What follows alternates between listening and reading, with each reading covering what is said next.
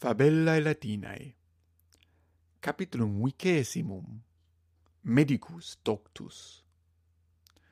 Dominus cum tusculum equo vehitor aut lectica portator a servis suis.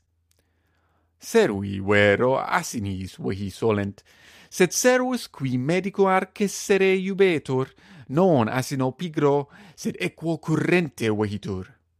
Medicus quoque equo vehitur itaque brevi tempore ad aegrum venire potest. Leander sirum equum ascendere videns interrogat. Cur tu hodie equo vehiris sire? No servi asinis vehimur, non equis. Sirus, equo vehor quea medicum arcessere iubeor.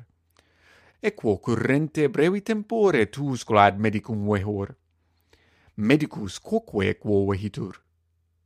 Surus igitur, equo vehitur tus culac post oram cum medico redit. Medicus ostiario, aperi ostium, inquit, medicus sum, a domino tuo expector. Recte dicis medice, inquit ostiarius, ostium aperiens tua domino expectaris, quia filius eius aegrotat. Atri intra. Medicus atri intrat, atque illi cadavo servo salutatur. Salve, medice! Medicus, ubi est dominus tus? Cura servo nona domino salutor.